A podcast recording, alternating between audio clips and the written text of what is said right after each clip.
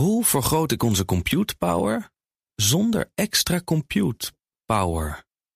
Lenklen, Hitachi Virtual Storage Partner.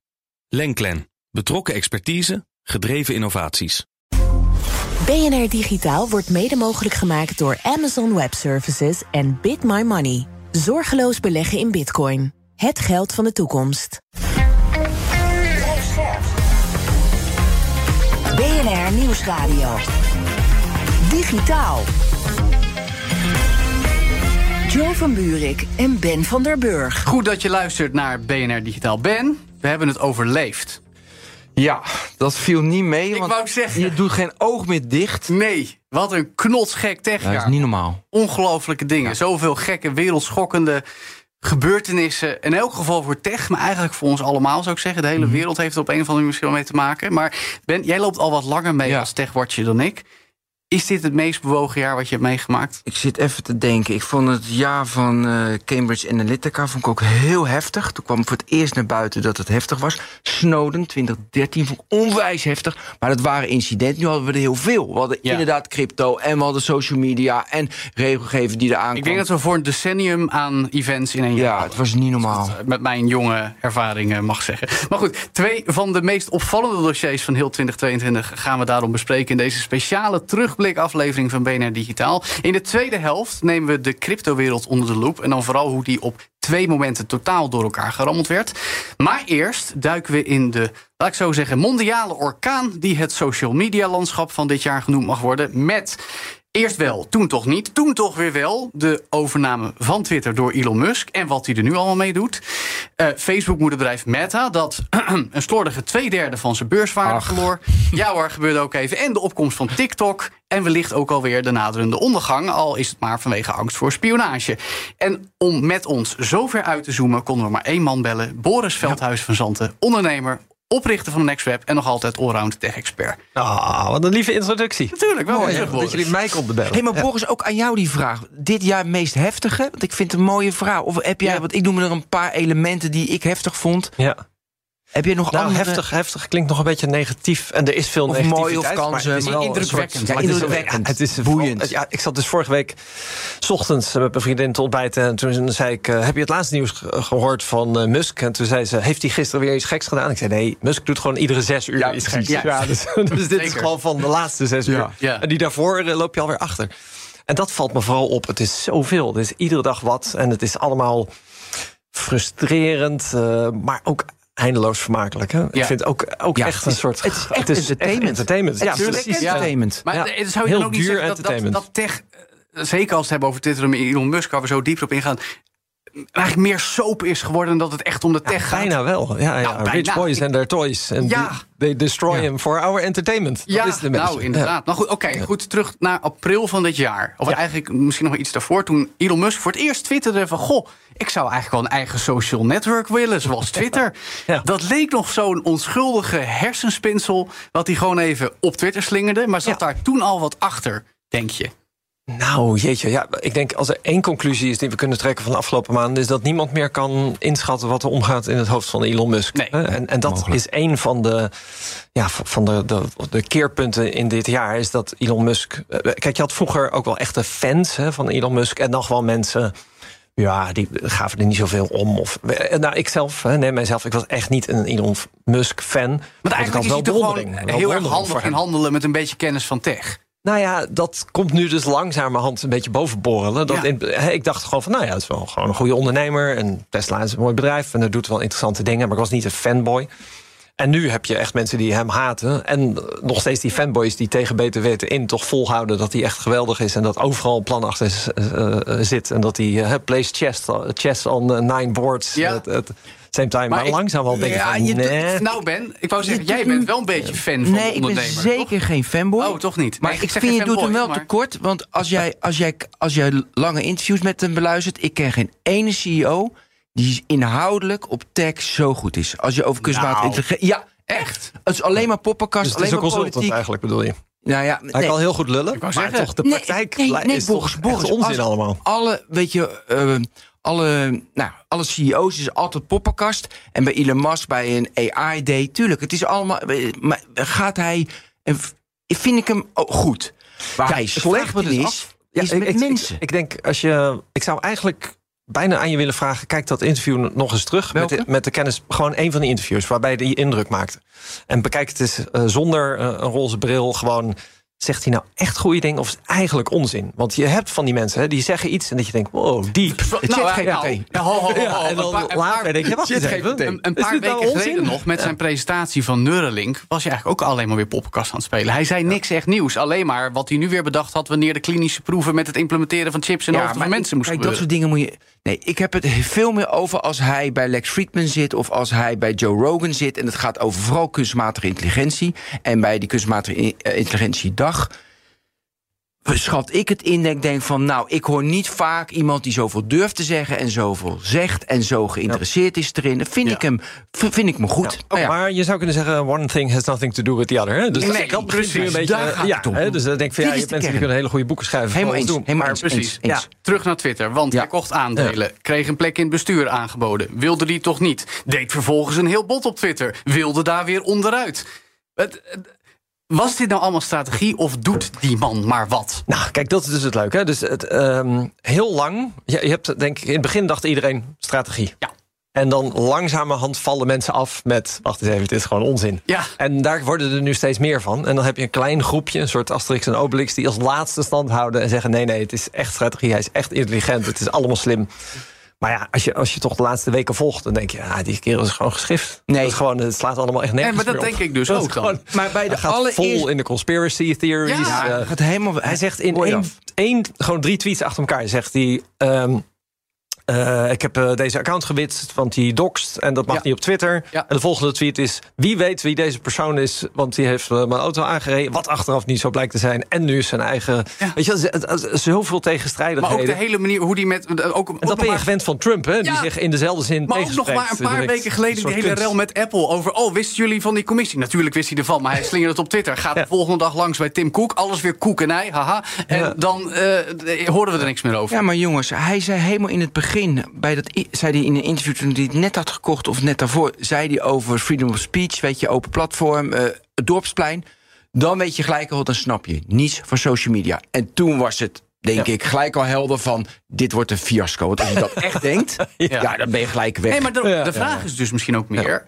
Wilde Musk, u- misschien al bij dat zaadje terug aan het begin van het jaar... toen hij die, die onschuldig ogende tweet over een eigen social media netwerk... deed hij dat als tech-ondernemer? Of deed hij dat vanuit de persoonlijke ideologie van... goh, ik wil eigenlijk gewoon een plek waar ik alles kan roepen wat ik wil... alleen dan zoals ik dat voor me zie? Nou, de- ik sprak ooit een bankier en, die, eh, en ik vroeg hem over beleggen iets. En toen zei hij, eh, het is ontzettend moeilijk om een goede bankier te vinden. Want je hebt slechte bankiers die een tijdje geluk hebben. Mhm. En je hebt goede bankiers die een tijdje pech hebben. En daar moest ik aan denken bij, bij Elon Musk. Dus ik denk nu, is hij gewoon een slechte bankier... die een paar keer geluk heeft gehad? En spectaculair veel geluk, hè? Want je de rijkste man ter wereld een tijdje... totdat tuurlijk. hij alles weer weg heeft. Ja, ja, ja. Dus, maar, maar zou het dat kunnen zijn? Hè? Dat, het, dat hij gewoon toevallig. hè, Er komen nu verhalen boven dat bij Tesla er een hele strategie is om hem eh, wel een soort het idee te geven dat hij zijn zin krijgt, maar ondertussen altijd niet te doen wat hij zegt. Dat er hele teams bezig zijn met hem een soort voor de gek houden. Dat hij de eigenlijk saboteren. Ja. maar Die rapporten komen ja, allemaal boven. En het, langzamerhand, kijk, tot, eh, hij heeft. Eh, nou, hij twitterde altijd al, zei altijd al best gekke dingen, maar nu gaat hij echt los. En het lijkt wel alsof zijn ware aard nu naar boven komt. Nou ja, plus het feit dat hij was in Qatar. eh, is daar gefotografeerd in gesprek met investeerders die hem hebben geholpen Twitter te kopen. Ja. Komt vervolgens een poll over moet ik een CEO aannemen. Dan worden er allerlei draadjes tussen de lijntjes getrokken van oh, het is onder invloed van de mede-investeerders. Ehm, nog meer analisten die zeggen van nou, eh, dit is eigenlijk allemaal voor bedacht plan en hij is al lang op zoek naar een nieuwe CEO. Ja. Het, het, het wordt ook wel heel erg murky waters. Misschien Nou ja, dat hij zelf ook op de hoogte is van die je plannen. zei die eerder al, het is een soort soap. Nee. Het is ook een soort soap. Ja, en iedereen Game of leest Thrones. alles. Maar jongens, volgens mij is de analyse veel simpeler. Zodra het over science gaat, dus een raket naar Mars, een auto, science. En dan houden ze mensen weg. En dat is, weet je, maar dat is bij heel veel CEO's zo. Hij heeft toch die mensen neergezet. Hij heeft dat toch opgezet. En dat heeft hij best redelijk gedaan, SpaceX en Tesla. Ja, maar oké, heel, heel kort, heel cynisch gezegd zou je kunnen zeggen... Tesla is vooral omdat eh, een heleboel overheden meer elektrische auto's wilden... en SpaceX zijn allemaal waardevolle contracten van de goed Amerikaanse overheid. aangevoeld, juiste moment. Ja, weet je, het- oké. het Handig handelaar. Handig handelaar, prima gedaan. En eh, oké. Ja. Maar nu het menselijk wordt, als de geesteswetenschapper komt... dan draait hij dus helemaal door. Juist. Nou, hij zegt zelf dat hij asperge heeft. Dus nou ja, ik kan me voorstellen, menselijke vlak... hij draait helemaal door, way off. En dat was het jaar van 2022. En dan neemt hij dus die andere bedrijven, vooral Tesla... nu gewoon in mee. Ja, ja nee, dat, dat zou kunnen. Ja. En- dat en is dus- wat ik denk... Dus dan is de volgende vraag: is het nou eigenlijk zielig? Of moeten we eigenlijk medelijden hebben met Nee, hem? wel nee, Nee? joh. Nee, dat soort gasten, prima. Maar ja, dat is... Nou ja, maar als je zegt, kijk, hij heeft eigenlijk asperge en. en, en Ja, dat zegt hij zelf, hè? Ja, dat is een soort handicap. eh, en, en We moeten hem helpen. ja, moet me eigenlijk helpen. Ja, weet je, nou begin ik een beetje te schamen dat ik hem uit zit te lachen. Ik denk, het is gewoon een handicap. Dit is gewoon een gehandicapt Arme uit te man. lachen hier. Dat kan toch niet? Eén één vraag over Musk, en dat is dan gelijk een bruggetje naar Twitter als Twitter. Ehm, gaat hij nou echt een nieuwe CEO aanwijzen, denk je?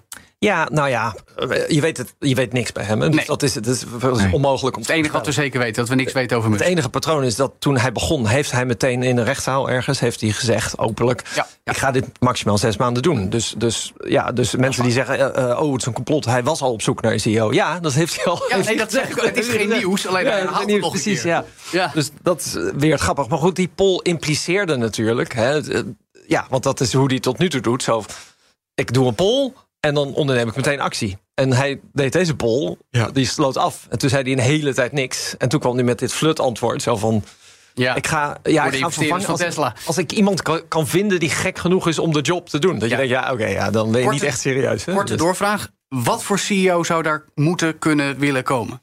Ja, het is de vraag of het uitmaakt, want het is zijn bedrijf. Ja, daarom. Dus ja, als het- als het een soort puppet wordt, die, eh, ja, uiteindelijk neemt hij toch de besluiten. Dus dat, het wordt verdomd lastig. Ja. Ik denk eigenlijk de beste koers is als het allemaal nog even ietsje verder instort. Nou, Tesla gaat al verder. Mhm. En dat, dat ja. Ja, zo, is- ik voel, het is bijna pijnlijk om te zeggen, maar dat het echt zo misgaat dat hij er gewoon uit moet. Ja. Dus dat het misschien toch inderdaad failliet en een doorstart en dan een onafhankelijke CEO. Ik denk eigenlijk dat dat de enige redding is Voor Twitter. voor Twitter. Ja. Zo. Maar dat, ja, want dat- zolang hij er toch achter zit, Ja, kan wel een CEO aanstellen. Maar ja, weet je, hij gaat toch. We weten nu hoe, hoe manicaal, hoe, hoe, hoe- hoe- ja, ongestructureerd hij stuurt. Nee, natuurlijk. Eh, Je zou goed, goed... hij zie is daar niet druk- van komen. Maar hij is ook zo druk dat hij maar een paar beslissingen neemt. En als je gewoon een echte autoriteit hebt... die wel de geesteswetenschappen een beetje aan kan voelen...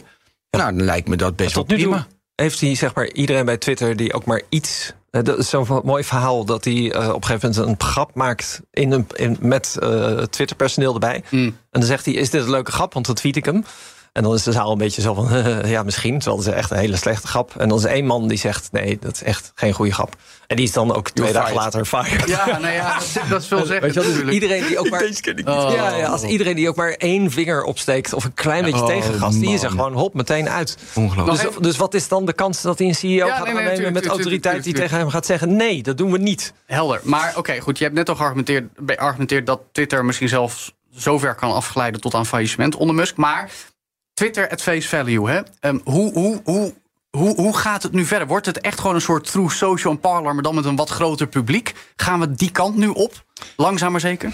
Nou, er zijn twee scenario's volgens mij. Mastodon is eh, flink aan het groeien. Je hebt Post, je hebt nog een paar Mhm. alternatieven. Iedereen is dat aan het, ja, iedereen is dat aan het checken. Over- overal een account maken, overal eh, Ja. een beetje proberen. Lekker kansen spreiden? Ja, ja en, en het wordt steeds erger. Dus iedere keer als hij iets doet, zie je een soort piek in de stat- eh, statistieken van Mastodon met weer een miljoen gebruikers erbij. Ja. En soms, het, het- is altijd moeilijk voor te stellen dat het ene iets anders vervangt. Hè. Dus ik weet nog dat MySpace had ik geloof, Ja. 300 miljoen gebruikers. Kwam, en toen lanceerde Hives. En ik weet nog dat ik dacht, oké, kansloos. Weet je wel, ga je dan met Hives. Maar goed, eh, een jaar later was MySpace bestond niet meer. En toen kwam Facebook en, Ja. nou ja, enzovoort. The rest is history. Ja. Dus op het moment dat één partij super groot is, kun je bijna niet voorstellen dat ze vervangen worden door een ander. Totdat het opeens zover is. Ja, Dus, dus dat is één scenario. Mastodon ja oké, eh, groot worden. Tweede scenario? Tweede scenario is ja, wat ik schets. Hè, de, ehm, ehm, Musk moet een miljard aan rente afrekenen per jaar. Hè, want voor het geld wat hij heeft geleend. En in het beste jaar van Twitter maakte ze een miljard winst. Maar dat was ook omdat zijn bedrijf hadden verkocht voor 800 miljoen of Ja. zoiets. Ja. Met al, en hij heeft net alle eh adverteerders weggejaagd. dus En Twitter Blue loopt nog niet echt op zijn zacht nee, gezegd. bepaald niet. Nee, nee. Dus de kans dat, dat, dat hij echt in financiële problemen komt... en Twitter een soort faillissement doorgaat... en dat dan zijn aandeelhouders hem eruit gooien... terugsturen naar Tesla, waarschijnlijk is iedereen daar blij mee. Misschien behalve de techneut. Ja. Ehm, En dat eh, Twitter dan ja, weer een soort doorstap maakt. Maar zonder hem, dat lijkt me toch echt de enige oplossing. Je noemde hem net al, en dan gaan we daarop door. Facebook, of eigenlijk Meta, sinds eh, vorig jaar alweer. Maar dat is waar we in 2022 over spraken... als we hadden over moederbedrijf van Facebook, Instagram en WhatsApp. Maar ja, Meta verloor ten opzichte van het begin van het jaar... bijna twee derde van de beurswaarde. Er werden 11.000 mensen ontslagen. Volgens de onlangs ook helemaal vertrokken technisch VR-chef John Carmack... zijn dat nog steeds te veel mensen die er wel zitten. Wat voor organisatie is Meta eigenlijk nog? Terwijl Mark Zuckerberg wil inzetten op het metaverse om te ontkomen aan de macht van Apple en Google. Ja. Maar ondertussen de social media eh, platforms in de fik staan. Ja, nou ja, je zei al, dit is het leukste jaar ooit. Ja. het is het jaar. het nog wel even. Ja, want Facebook is ook wel. Het is zo'n emotional rollercoaster om Facebook mee te maken. Want ik denk tot een jaar geleden was het toch een beetje de pispot van de industrie. Hè? Dat Facebook met zijn spionage en beïnvloeding. zielig. En, ja, nou, zielig. Maar ook eh, dat je opeens denkt: Goh, die Zuckerberg is eigenlijk nog niet zo'n hele slechte baas van het sociaal netwerk. Naast Elon Musk. Als je dat vergelijkt met Elon Musk. Die kerel heeft zijn shit voor elkaar. Ja, maar Behalve dat hij dus inzet ja, met miljarden op, eh, op de metaverse. Maar ja, alles wat we zien tot nu toe is niet heel veelbelovend. Maar Boris, dat vind je toch ook wel mooi dat hij dat doet? Dat is toch ook echt ondernemerschap? Nou, Of vind je het te ver gaan? is het gewoon een grote gok? Oké, dus het doet me denken aan IBM. Hè? Dus IBM had op een gegeven moment wilden ze ook wilden ze de PC maken. Eh, en toen hebben ze miljarden en ik geloof dat 5000 programmeurs of eh, developers, eh, engineers ergens gemaakt, ge- gezet met wij gaan de PC maken. En dat werd natuurlijk een drama. Dus na vier jaar vroegen ze een jonge ondernemer en zei ze: Wat heb je nodig? Wat zou je nodig hebben om het wel voor elkaar te krijgen? En toen zei hij: 100 miljoen, 100 mensen en een jaar lang geen verantwoordelijkheid hoeven afleggen. En toen hebben ze de IBM PC ontwikkeld en dat is natuurlijk een enorm succes geworden. Ja, oké, maar dit is dus eigenlijk een Daar denk total aan. reset. Als ik Facebook hoor, ze hebben miljarden en duizenden mensen op Meta, Ja? eh, op op de metaverse, dan denk ik, right, we weten toch van de geschiedenis dat dat niet de manier is om iets innovatiefs te bouwen. Ja. Iets innovatiefs bouwen maak je met een klein team, wat eh, hè, eat their own dog food, eh, weinig eh, verantwoording afleggen. Daarom zijn start-ups, want die hebben nog niet veel verantwoording af te leggen, Ja. want die zitten niet in een groot bedrijf. De Zo grap- maak je een De succes. grap vind ik overigens dat wat jij nu beschrijft... bijna appelleert aan het idee van Musk die Twitter koopt... een hoop mensen eruit jast, want zelf, zichzelf als die jonge gast ziet... met Ja. geen verantwoording en al het geld. Dus wat dat betreft snap ik hem. Maar Zuckerberg heeft feitelijk alleen heerschappij. 60% van het stemrecht binnen Meta. Zal waarschijnlijk nooit opstappen. Of toch wel. En is er een scenario denkbaar waarin Meta precies het voorbeeld van IBM moet gaan volgen? En is dat hun enige Nou, maar dat zijn twee verschillende discussies. Hè? Dus of, of Zuckerberg goed is voor Facebook, ja, het is bijna. De discussie is niet eens waard om te hebben, want het is gewoon zijn bedrijf, 65% van de. Nee, dat snap ik. Ja, dus, maar straks dus- gaat het schip ja. met het kapitein samen ten onder. Ja, dat, die, die kans is groter, denk ik, dan dat hij weggaat. Ja. Ben? Nee, jij zit heel erg Nee, te nee kijk, te schudden. één, één. Hij stopt dus afgelopen jaar 15 miljard in de metaverse. Nou, dat ja, precies. Dat Ja, is, zo, zoveel geld. Hij kan 20 teams met 100 miljoen of een miljard met 100 man maximaal een jaar lang geen verantwoordelijkheid kan hij neerzetten. Wat? Hij kan 40 van die teams neerzetten. En dat zou echt gebeuren. We, we weten die hele structuur niet. Nee. Ja, Nee, maar, want zo werkt bij grote Oké, maar dan zeg jij dus... te veel nee, zwaartekracht. Maar, nee, maar dan zeg jij dus, omdat de, de manier van organiseren... veroorzaakt dus dat het niet snel genoeg gaat met de metaverse. Nou, dat is voor mij helemaal niet zo. Het is gewoon, de, de technologie is er nog niet... De, de manier van hoe mensen ermee omgaan is er nog niet. Het Jij is gewoon nog niet goed vroeg genoeg. eigenlijk. Ik zeg gewoon, het is te gevoel, de timing is er niet. Dus Nee. ik zou rustige bouwen, rustige bouwen... net, weet je wel, vijf jaar, tien jaar nemen. Maar je kan ook argumenteren dat hij het een Maar die beetje tijd als heeft een... hij ook niet, hè? Nee, maar Ja, waarom het- niet? Nee, nou, ho, ho, hij heeft het natuurlijk ook als een afleidingsmanoeuvre gebruikt. Hè? Facebook was te besmeurd Dat met een goeie, schandalen. Joe. Ehm, goeie. eh, plus, hij zag Ja. de opkomst, gaan we het zo hebben, van TikTok. Van, oh shit, we moeten Ja. laten zien dat we ook innovatief bezig zijn. Er zijn ondertussen aandeelhouders die tevreden gesteld moeten worden. Gebeurt niet, het tegenovergestelde gebeurt. Maar het is te argumenteren. En dan nog die macht van Apple en Google waar die vanaf wil... als het gaat om advertentiemarkt. Dus wat dat betreft is ook te argumenteren... waarom die het metaverse wil bouwen. En waarom hij zo'n haast heeft. Ja, dus maar het gaat helemaal mis. Nou, het gaat nog niet goed in ieder geval. Nou, ja, dus, ja, ja, dus helemaal mis. Ja, nee, het was zo'n grappig verhaal dat ze op een gegeven moment zeiden: ehm, iedereen binnen ehm, Facebook moet die applicatie gebruiken minstens een uur per week. Ja, en dat Ja. gebeurde niet. Right. Ja, dat is hoe je innovatie aan de macht brengt, inderdaad. Nee, om mensen te dwingen. En dan nog lukt het Ja, niet. Ook niet de mensen binnen het bedrijf. Nog heel kort over Facebook, want er zijn ook mensen, analisten, die zeggen... eh, Fe- Meta moet een pivot doen, ze moeten nu met een Twitter-alternatief komen. Hmm, ja, nou ja, dat zei ze ook over Google. Ja. Iemand zei, eh, als Google nu een soort schil over Mastodon zou bouwen... maar dan gewoon vanaf eh, Weer een Orkut. Google. Ja, eigenlijk wel. Of Google Orkut. Plus. Of Moet je dat even uitleggen? Orkut was een Ja. van de eerste sociale netwerken... nee, weet ik. gemaakt door een Turkse jongen die Orkut heette van zijn achternaam. Ja. Ehm, En later kregen we Google Plus, werd net zo'n Google succes. Plus, ook dramatisch. Dus nee, maar oké, maar kan Facebook nog zoiets doen? Of zeg je. Of dat? Google. Ja, of Google. Of Ja, Microsoft misschien wel. Nou ja, kijk, de- in de chaos, die de chaos is, eh, is, al, is inspirerend. Hè? Chaos eh, zorgt voor kansen. En er is nu chaos. Dus ik denk, als, je, als een jaar geleden Facebook had gezegd... oh, wij komen met een Twitter-kloon, dan had iedereen zijn weggelachen. Ja. Op dit moment een paar- denk ik... Nou, een en- paar elementen noemen. Ik, ik vind dat element van TikTok afgelopen jaar, algoritmische timeline, gaat gelijk heel goed. En we moeten de social graph niet onderschatten. Want nu Twitter zegt van je mag niet, weet je, zeg maar doorlinken. Hmm. Kijk, met Mastodon, Joe, heb je ook, weet je, dat je heel snel jouw weet je, ja, Twitter ja. volgers en dan kan je linken. Als er nu, als Google dat doet, weet je ja, dan gaat niemand toestaan dat je in één keer jouw volgers natuurlijk op jouw nieuwe Google kloont. Importeert. Nee, want dat zullen ze, want, want ze de- zijn dan veel te bang. Ja. Dus daarom lijkt het me moeilijk. Maar ik vind TikTok altijd het tegenvoorbeeld dat je dus wel in één keer nieuw social Nou ja, media. daarom. Ja. Dit jaar hebben we ook, eh, letterlijk een half jaar geleden hebben we dit gesprek met jou hier ook gevoerd, Boris. Over TikTok was er tussen aanhalingstekens opeens en we werden er een beetje bang van.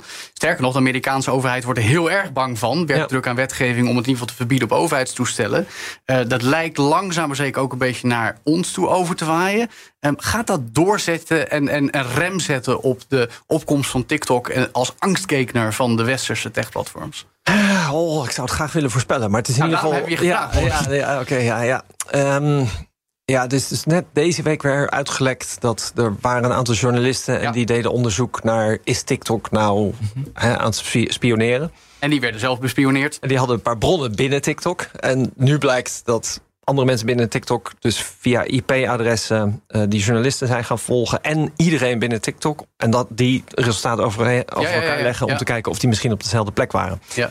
Dus met andere, het is een soort hilarisch, ook, weer Trumpiaans eigenlijk. Dat je zegt, jij, eh, jij, jij beschuldigt mij van spionage. In dat geval ga ik jou bespioneren, want dat is niet zo. Eh, weet je, dat je denkt, hè, wat? Ja, ja, met de vinger wijzen terwijl je zelf de schuldige bent. Ongelooflijk, ja.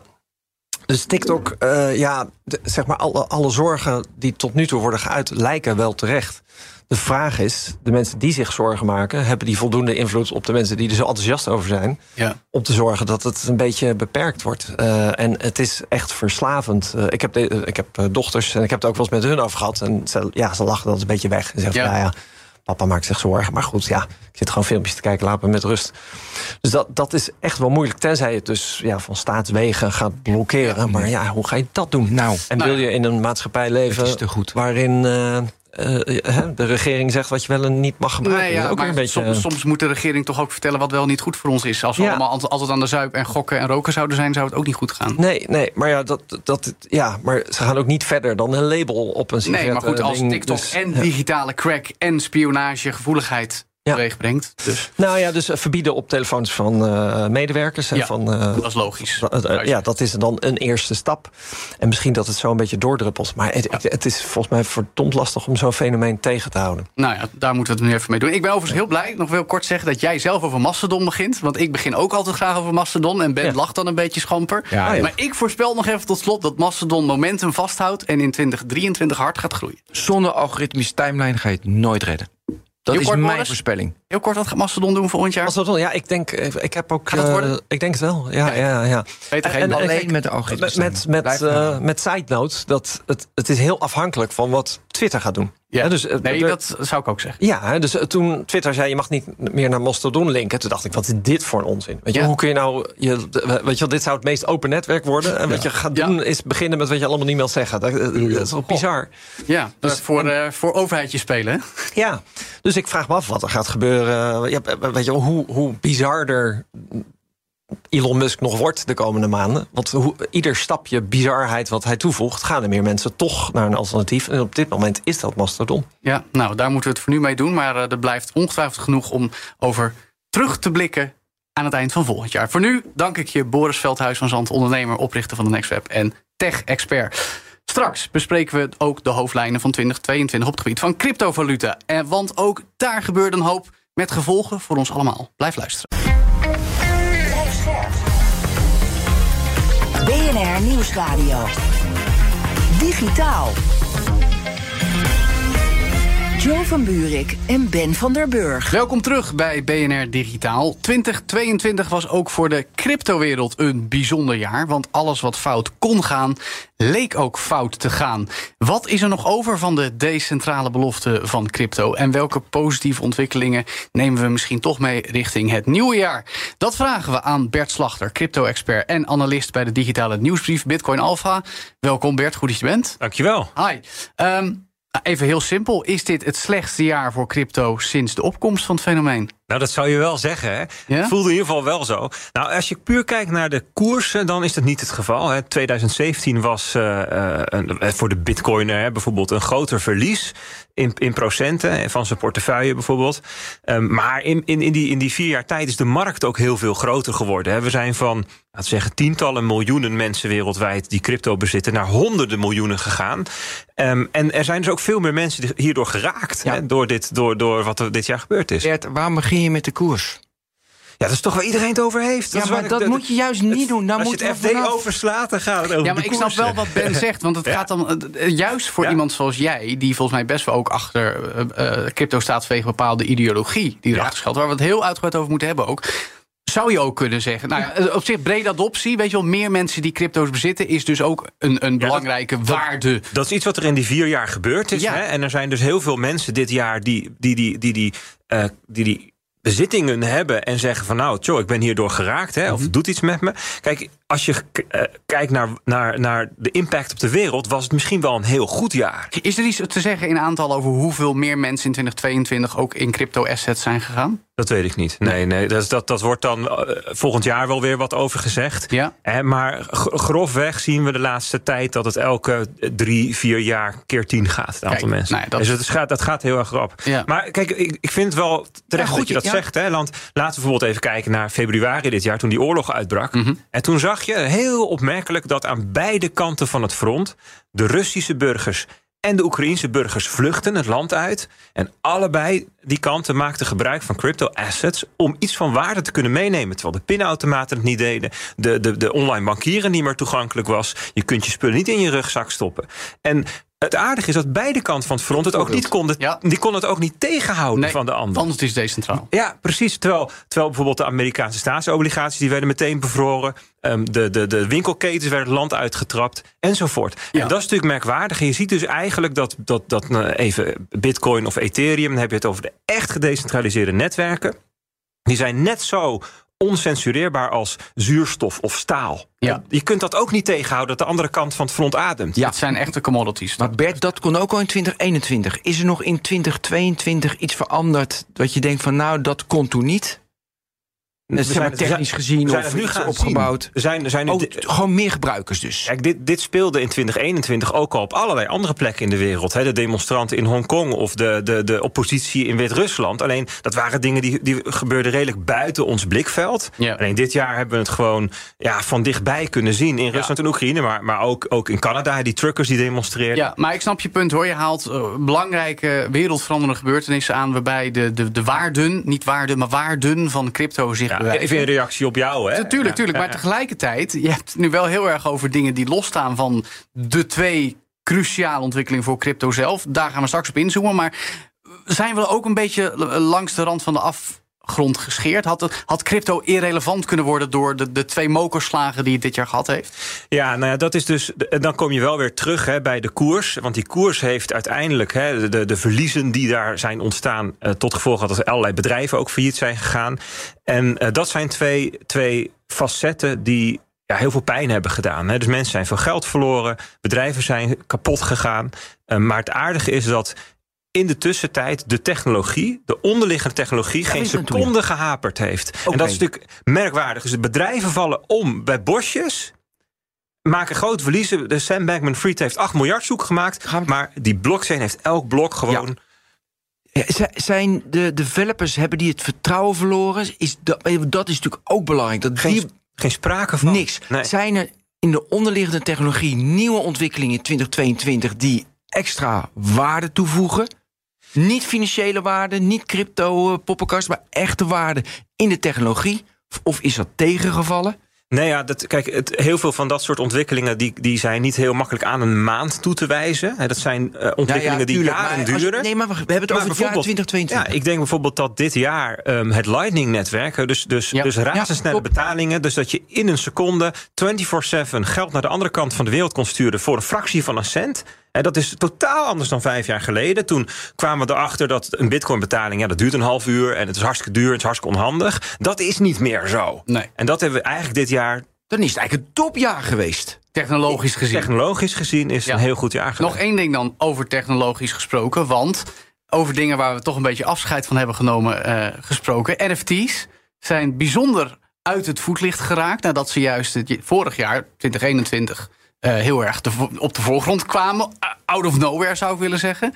Ehm, toevallig, een jaar geleden was je ook bij ons om voorspellingen te doen over 2022. Toen zei je al, die collecties zoals de Board Apes, dat gaat een beetje uitdoven.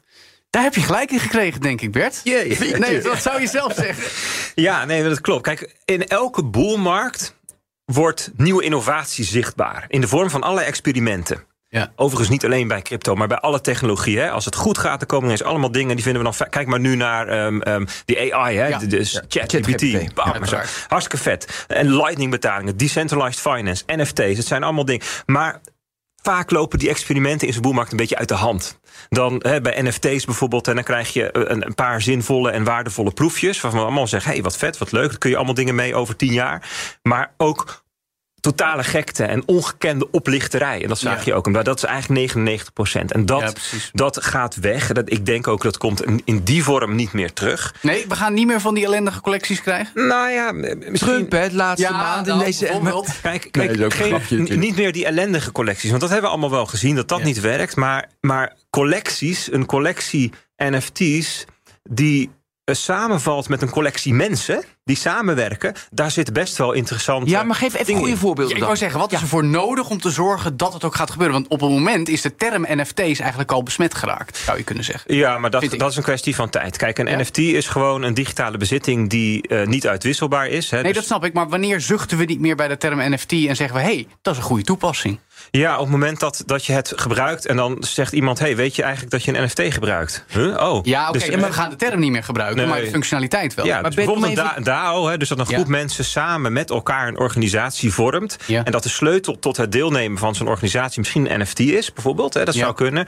Dat zou, zo, zoiets zou eh, kunnen. Ja. Even die 1%, wat is dan wat jij zegt? Want 99% is allemaal, is allemaal onzin bij die NFT's. Maar 1% zullen we over 10 jaar nog... Wat, wat zie jij nu, wat is die 1%? Nou, interessante eh, eh, dingen zijn bijvoorbeeld ehm, eh, eh, dus dat een creatief werk ehm, eh, een NFT is, die kan worden overgedragen en dat je daarbij ook inkomstenstromen eh, automatisch kunt verdelen. dat soort verhaal. zaken. En dat, bedoel, dat, dat is allemaal, dat moet er nog heel veel, moet allemaal juridische zaken geregeld worden. En er moeten nog dingen in het protocol geregeld worden. Dus dat is er morgen en volgend jaar niet. Maar het was wel zoiets dat iedereen dacht: hé, hey, dat, is, dat is interessant. Dat, dat kan iets oplossen. Ja, je noemde DAO al, dat nemen we toch ook niet meer serieus? Hm, zou ik niet zeggen. Nee, maar daarom zit je hier om, het, om uit Ja. dat, dat, wel serieus moet nemen. Oké, laat ik het anders zeggen. Gaat dit in 2023 al gebeuren, Bert, of moeten we langer geduld hebben? Langer, ja, ja, ja. Dus dit, zijn, dit is echt die, die typische hy- hype cycle van Gartner. Hè. Dus iets is, ehm, wordt totaal overschat. En een complete hype en gekte Ja, en- euforie. En, daarna klettert het in. Dan krijg je die trough of disillusionment. Zo van dit kan Ja. niks, het stelt helemaal geen reet voor. Ja, ja, ja, en na ja, vijf ja. of tien jaar kijken we terug en zeggen... oh, dat was dat. En nu is het functioneel geworden. Nu hebben we er iets aan. Maar even DAO's nog, DAO's Nog nog. heel kort, Ben. Ja, Nou ja, kijk, je hebt natuurlijk al heel lang... dat groepen mensen met elkaar samenwerken op basis van vrijwilligheid. Hè, de, de open nee, dat source weet ik, software. maar is in 2022 is ook een beetje besmet woord DAO. Denk ik, ja, het zal wel, jongens, su- succes. Nee, maar dus- is tere- onterecht wellicht. Ja, ik denk dat er dus allerlei voorbeelden, Voorbeelden? zijn. Nou ja, neem bijvoorbeeld eh, eh, de, de DeFi-protocollen waarin samengewerkt wordt. Hè? Dus de Uniswap en de... de Nou, en ik moet de- ook zeggen dat het, als iemand die heel erg met de gamesindustrie bezig is, ik daar ook wel meritus zie. Dat, dat er een, een bepaalde vorm van democratie, inspraak is voor mensen die stakeholders zijn bij een Ja, dus het, het, het Op papier snap ik efficiënter dat. en transparanter regelen van een gezamenlijke onderneming. Alleen Ja. kijk, waar, waar die, wat, wat bij de DAO's weer is misgegaan, is dat iedereen dacht van ehm, hartstikke, dit is veel, veel beter dan allerlei suffe ouderwetse vormen van organiseren.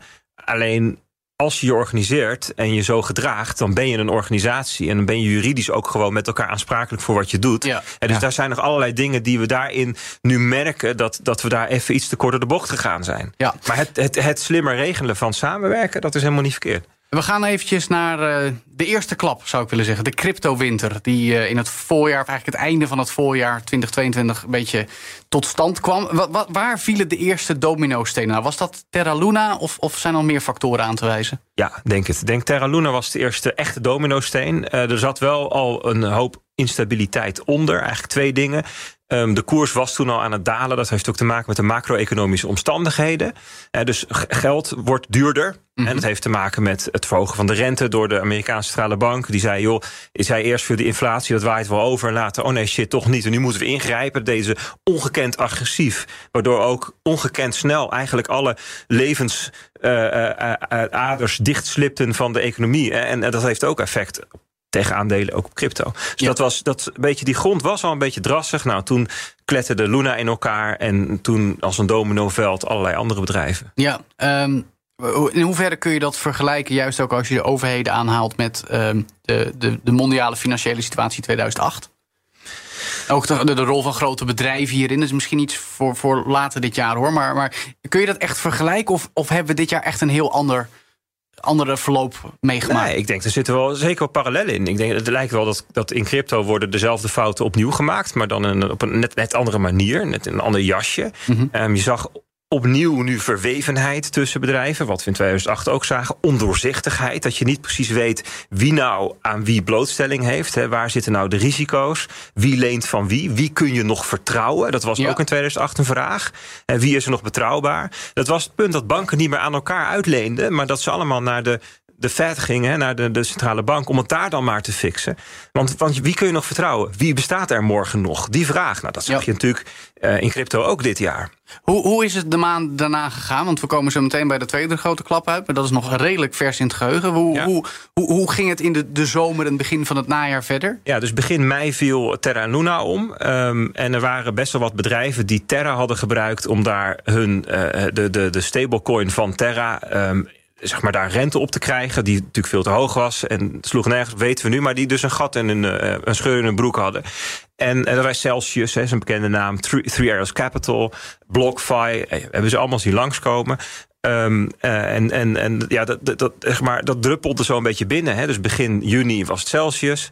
En dan in de zomer zag je de een na de ander. En nou, dat ging dan eerst van, nou, we hebben wat, we hebben wat liquiditeitsproblemen. En dan later... eh, ehm, ja, worden we misschien overgenomen en dan eh, we gaan daar een herstructureren. Ja, weet je, zo gaat dat. Dus het is gewoon een beetje voortgekabbeld. De, de misère een beetje omhoog, een beetje omlaag. Maar er, Ja. gebeurde eigenlijk lange tijd Ja, niks. ja, ja het was, de koers was ook redelijk stabiel tussen, eh, laten we zeggen, half juni en, ehm, nou ja, Oktober? oktober. Ja, nou, dan de, de drie letters die het Nou, nieuws hebben gedomineerd de afgelopen drie maanden. Ja, wie kent hem niet? FTX Oh, ik dacht of dat je SBF. Ik wou dit zeggen. Ja, want je, ik denk dat we ze allebei... Nou, FTX wat meer dan mainstream, SBF voor ingewijden. Ja, SBF. Ehm, ja. Het instorten van FTX hè, was natuurlijk al een, een, een rare gewaarwording op zich. Als je de verwevenheid met, met Binance zag op dat moment. Ehm, maar is dat nou ook een gevolg geweest van de zomer? Was dit niet gebeurd als we al de cryptowinter aan de broek hadden gehad eerder dit jaar? Ja, ja, ja dat, zou kunnen. Kijk, pri- primair hè, is het instorten van FTX het gevolg van een, eh, een, een, een, de volslagen gestoorde acties van een van de grootste fraudeurs die we ooit gekend hebben. SBF. Sam Bankman-Fried. Ja. Hè, eh, en het zou wel kunnen dat als al die dingen er niet aan vooraf gegaan waren, dat die enorme achterlijke fraude niet aan het licht was gekomen. Hè, dus de oorzaak van, wat we, van, de, van de problemen, namelijk dat er 10 miljard of zo weg is, is Sam Bankman-Fried. Dat kan je helemaal nergens anders neerleggen dan bij die, bij die man. Maar dat het op deze manier eh, eh, aan het licht kwam, ja, dat, daar, daar- dat is natuurlijk versneld of mogelijk gemaakt of zichtbaar geworden door. Maar maak je het niet iets te makkelijk door gewoon één persoon nu als fraudeur aan te wijzen en niet de, de omgeving waar hij in zat, dat dat mogelijk dat was het- dat- en dat- dat er geen controle was en dat eh, mensen meededen. Ik, ken iemand die was ook naar de Bahama's gegaan. Ben, er waren dit- feestjes die sloegen helemaal nergens op. En dit is het argument van de gelegenheid maakt de dief. En, en het, het- dat is waar. Ik bedoel, ehm, eh, het, do- doordat er niet zoveel toezicht was, kon, de, kon hij dit doen. Maar wat, hij, wat, wat, wat Sam Bankman-Fried heeft gedaan, is met het geld van klanten is die zelf dingen gaan doen. In de aanklacht staat nu, die nu ehm, eh, waar, waar, waar die, die, die gasten van Alameda nu op hebben gezegd: hè, dit, wij zijn hier aan schuldig geweest. en daarvoor hebben ze een deal gesloten. Dat, dat Alameda, dat is dat fonds, dat, dat, dat gebruikte Sam als zijn personal piggy bank. Als zijn eigen spaarvarkentje. Ja, ja, ja. Daar gingen die miljarden heen. Dus eigenlijk een heel erg sterk eh, equivalent met 2008. Met wat de banken toen Nou, ook ik deden. weet niet of er toen zulke fraude was. Nou, nee, eh, niet qua Joe. fraude, maar in ieder geval dat er dingen gedaan werden met geld die je eigenlijk niet hadden moeten laten Ja, toestaan. kijk, dus, dus als er heel goed toezicht was geweest... Mhm. ja, nou, hij zat op de Bahama's, hè, dus Ja. dan had je dit kunnen zien. Ja. Dan, had je, dan had er, waren er controls geweest, dan waren die bestuurders, weet je, dat, dat is waar. Ja. Nou, en ook zo extreem snel, zoveel geld, dat het allemaal kan. Dat mensen daarin geloofden. Weet je, dat niemand onderbuikgevoel had van... nou, dit slaat echt helemaal nergens op. Maar ook dat hadden ze wel, maar daar ook niet naar acteren. Ja, maar ook in een gereguleerde wereld wordt er gefraudeerd. Hè? Ja. Dus, ja, nou, Fact of life, zou ik zeggen. Ehm, in de nasleep van eh, de val van FTX lijkt er nog meer problemen op te doemen. Je zou het eh, besmettingsgevaar kunnen noemen. Gaan er nog meer grote bedrijven eh, omvallen, ook in Nederland, die zich met crypto bezighouden?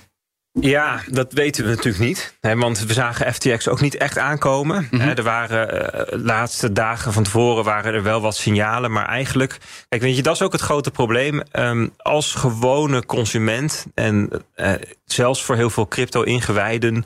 was van de buitenkant niet te zien dat, dat er met FTX iets aan de hand was.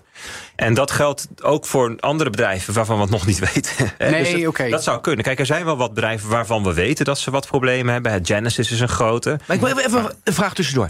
Had je, kijk, ik heb, als ik naar crypto de laatste jaren kijk, denk ik, ja, hier klopt, dit kan niet. Zo over, dit, gaat, dit kan niet. Er is te veel waarde terwijl het poppenkast is. Dus logisch dat het uiteindelijk weer stabiliseert. Weet je, hype cycle wat je zegt. Ja. Dan moet jij het toch ook hebben gehad. Ja, maar dat is wat anders. Kijk, in principe, als je als bedrijf alle eh, klantactiva één op één in de kluis hebt, dan kan het opgepompt worden naar 100 miljard en weer terug naar nul.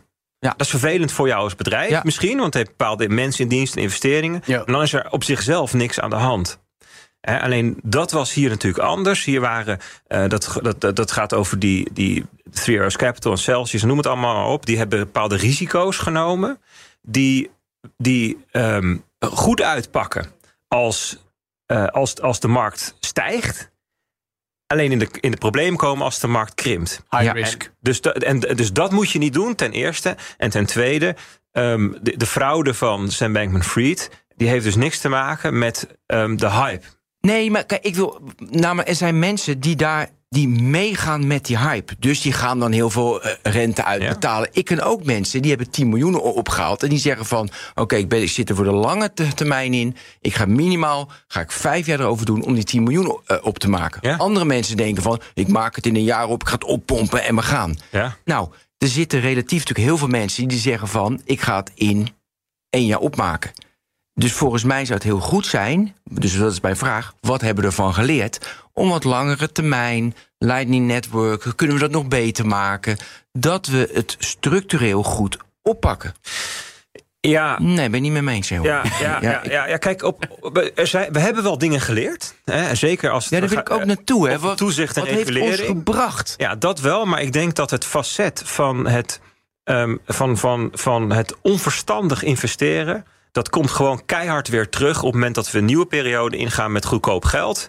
En er komt weer een hype. En de VC's die springen allemaal weer als, als dolle koeien op de trein. Dan gebeurt dat weer. Want dat gebeurt namelijk niet alleen bij crypto. Het gebeurt in alle markten waar er gekte is. Bert, ondervangen we dit als er meer regelgeving komt in het nieuwe jaar?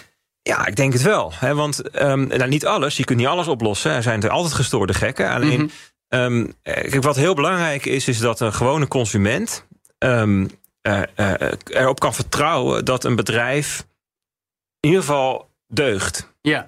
Hè? Kijk, er kan natuurlijk altijd wat misgaan. Er kan altijd een, een, een, een- iets gehackt worden. Of, of, of weet je, bugs. Dat kan. Dat, ja, dat, dat, is mijn probleem. Dat is mijn, Niet- dat, dat, zijn geen vertrouwensproblemen in, in Nee, financiële alleen, zin. Alleen, ik denk dat het heel belangrijk is dat je als consument gewoon erop kunt vertrouwen dat een bedrijf dat dat, dat dat het goed bestuurd wordt. Dat Ja. die op een zuivere manier omgaan met de activa. Dat die gewoon één op één in de kluis blijven liggen. Dat ze er niks geks mee doen. En Ja. dat soort dingen zullen we eh, daar in regels gaan eh, Ja. vatten. De, de laatste minuten wil ik gebruiken om daar nog even op voor te beduren. Want persoonlijk heb ik niet heel veel affiniteit met crypto. Ik heb er nooit in belegd bijvoorbeeld. Maar ik, ik vind de ideologie erachter heel mooi. De, de decentrale waarde. Toch, er zijn dit jaar flink dingen fout gegaan. En het lastige blijft denk ik dat voor de gewone mens, de consument... het altijd wat lastig is. Het is eigenlijk ontoegankelijk om crypto te gebruiken en te omarmen... volgens die ideologie. Mensen denken vooral, ik stop de geld en ik wil er rijk mee worden.